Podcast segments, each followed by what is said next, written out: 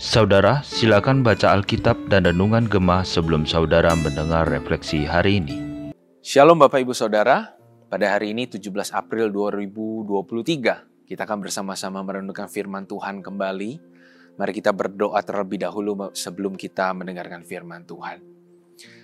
Bapak kami bersyukur untuk hidup yang masih Engkau berikan kepada kami pada hari ini. Bisa bangun dan menerima kekuatan dari Tuhan kami juga akan mempersiapkan diri kami untuk melanjutkan segala kegiatan kami pada hari ini. Tapi sebelum itu kami akan mendengarkan firman Tuhan.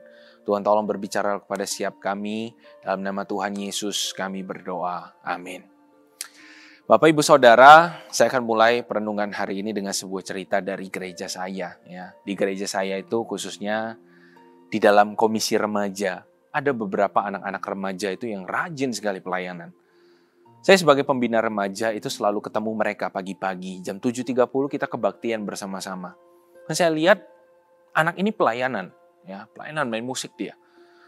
Dan setelah selesai kebaktian remaja, lanjut ke kebaktian jam 10, saya lihat dia lagi pelayanan. Saya tanya, kamu pelayanan lagi? Iya, contoh. Saya pelayanan lagi, jam 10 dia pelayanan. Dan terkadang, ini cerita tidak saya lebih-lebihkan ya, terkadang di kebaktian tiga pun saya ketemu dia lagi Kamu pelayanan lagi saya bilang. Iya, karena nggak ada orang, dia gantiin orang pelayanan. Kira dia pelayanan lagi jam 5 sore. Dan terkadang Bapak Ibu, sampai hari Selasa, kebaktian doa di GKI Palembang itu harinya Selasa. Ini hari Selasa malam, kebaktian doa, dia pelayanan lagi Bapak Ibu. Di satu sisi ketika saya melihat ada anak remaja seperti ini, saya merasa bangga. Wah saya seneng lah ada anak remaja yang mau pelayanan sampai segitunya. Kita juga kalau ketemu di gereja lokal kita masing-masing, kita merasa bangga pastikan ya. Kita seneng. Apalagi eh, orang-orang yang sebagai pembina atau sebagai pengurus di dalamnya melihat ada anak-anak yang rajin. Tapi di sisi lain, kita itu jadi khawatir. Terkadang melihat orang yang pelayanan terlalu berlebihan banyaknya. Terkadang kita merasa itu nggak baik juga, bukan? Apa yang berlebihan itu selalu tidak baik. Nah, maka dari itu kita akan belajar bersama-sama tentang isu-isu seperti ini ya. Khususnya dari nasihat yang diberikan Yitro, papa mertuanya Musa kepada Musa yang dicatat dalam kitab Keluaran pasal 18 ayat 17 sampai 18. Ini menjadi dasar firman Tuhan kita hari ini. Saya akan bacakan untuk kita semua. Tidak baik seperti yang kau lakukan itu, kata Yitro. Engkau akan menjadi sangat lelah baik engkau, baik bangsa yang beserta engkau ini. Sebab pekerjaan ini terlalu berat bagimu. Takkan sanggup engkau melakukannya seorang diri saja. Sedemikian jauh bacaan firman Tuhan. Saya harap Bapak Ibu Saudara bisa baca perikop keluaran 18 ini secara penuh ya di rumah masing-masing. Nasihat ini yang kita baca barusan itu keluar dari mulut Yitro, papa mertuanya Musa. Karena Yitro itu melihat beberapa lama Musa itu melayani orang-orang Israel, ada tidak baiknya juga semua hal itu dihandle sama Musa sendirian. Jadi orang-orang Israel itu ada apa-apa datangnya ke Musa. Semua mereka itu antri baris panjang untuk ketemu Musa dari pagi sampai petang. Untuk ngurusin masalah mereka masing-masing, minta pendapat dan petunjuk dari Musa. Jadi kalau hari ini kita bisa berkata Yesuslah jawaban hidup kita, ya kan? Tapi waktu itu orang Israel, Musa lah jawaban hidupku. Apa-apa datangnya ke Musa. Musa semua yang urus itu. Nah, ketika Yitro itu lihat rutinitas Musa itu selalu seperti itu dan bertahun-tahun mungkin lamanya sudah berjalan seperti ini. Yitro lihat gak baik juga kalau kayak gini. Musa, kamu bisa tipes lama-lama ngelayanin orang-orang Israel ini setiap hari. Oleh karena itulah Yitro itu katakan tidak baik seperti yang kau lakukan itu. Engkau akan menjadi sangat lelah. Baik engkau, baik bangsa yang beserta engkau ini. Ada benarnya, bukan cuma Musa yang capek nantinya. Tapi juga orang-orang Israel yang mau datang ke Musa. Mereka itu antri dari pagi sampai petang. Kalau sudah sampai petang mereka belum dapat antriannya, belum sampai ke Musa. Mereka lanjut lagi besok antri Wah lelah, bukan cuma Musa yang nunggu antrian yang lelah. Mereka yang berdiri nungguin antrian itu juga lelah loh. Ya kan? Maka dari itu, Yitro itu memberikan nasihat seperti itu. Nggak baik. Kayak gini terus. Makanya Yitro kasih solusi juga. Yitro bilang, Musa coba kamu ubah deh cara pelayanan seperti ini. Coba kamu pilih orang-orang yang takut akan Tuhan, orang-orang yang memang punya hikmat, orang-orang yang bisa dipercaya, itu bisa memimpin Mungkin ada yang memimpin seribu orang, ada yang memimpin seratus orang, ada yang memimpin lima puluh, dan ada yang memimpin sepuluh. Nah, para pemimpin inilah yang akan menjadi pintu pertama bagi mereka untuk konsultasi. Kalau memang masalah yang mereka konsultasi itu sepele, tidak terlalu berat, cukup para pemimpin ini saja yang menghandle. Tapi kalau memang sudah masalahnya itu gede, besar, baru mereka itu datang ke Musa. Jangan semuanya kamu itu orang-orang datang ke Musa, jangan semua Musa itu yang urus. Bisa mimisan lama-lama, kata Yitro.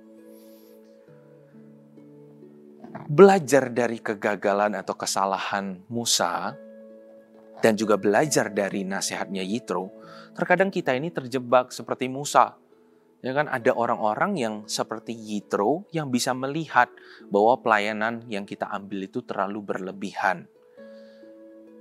Mereka akan katakan engkau tak akan sanggup melakukannya seorang diri saja. Ini nggak baik. Mereka akan bilang.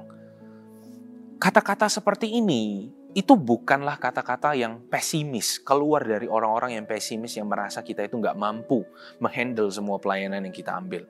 Bukan, Justru kata-kata seperti ini tuh keluar dari orang-orang yang peduli dengan keadaan kita.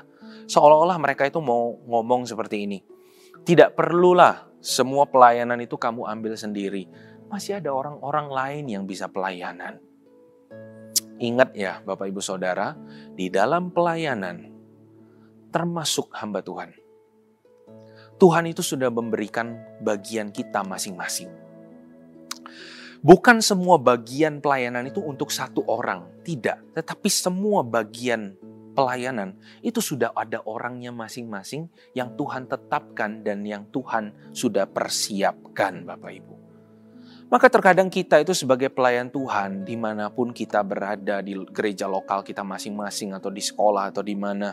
Kita perlu peka mana bagian kita dan mana bagian yang sebenarnya bisa diberikan kepada orang lain.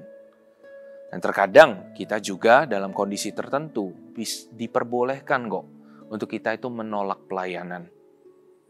Atau bukan cuma menolak tetapi membantu mengalihkan pelayanan itu diberikan kepada orang lain. Bahkan terkadang ada baiknya juga kita itu bukan cuma menerima pelayanan saja, tetapi juga mulai mengajak orang lain untuk pelayanan. Jadi nggak terima-terima tok, tapi mulai ajak orang lain itu pelayanan. Karena dengan mengajak orang lain pelayanan, kita bukan cuma sedang meringankan pelayanan kita atau pelayanan gereja, tetapi secara tidak langsung ketika kita ajak orang lain, kita itu sedang mempersiapkan generasi penerus di dalam pelayanan itu.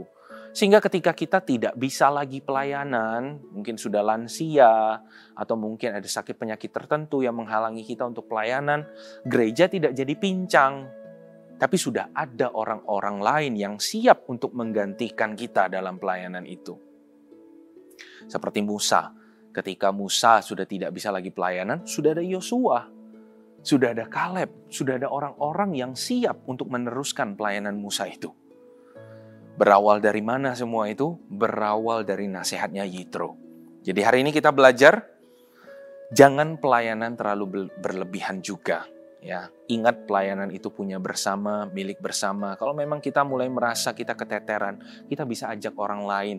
Nggak melulu kita harus berhenti dari pelayanan karena keburu menyerah. Tidak tapi kita bisa mulai ajak orang lain juga untuk pelayanan sama-sama. Mari kita sama-sama berdoa Bapak Ibu Bapak kami bersyukur untuk firman Tuhan yang kami dengar. Ini merupakan sebuah teguran dan nasihat yang dari firman Tuhan katakan melalui mulut bibir Yitro pada waktu itu kepada Musa. Dan kami juga belajar hari ini untuk mempraktekannya dalam kehidupan kami, khususnya dalam pelayanan kami. Mungkin di antara kami ada yang sangat familiar dengan keadaan seperti itu, pelayanan yang begitu sangat menumpuk.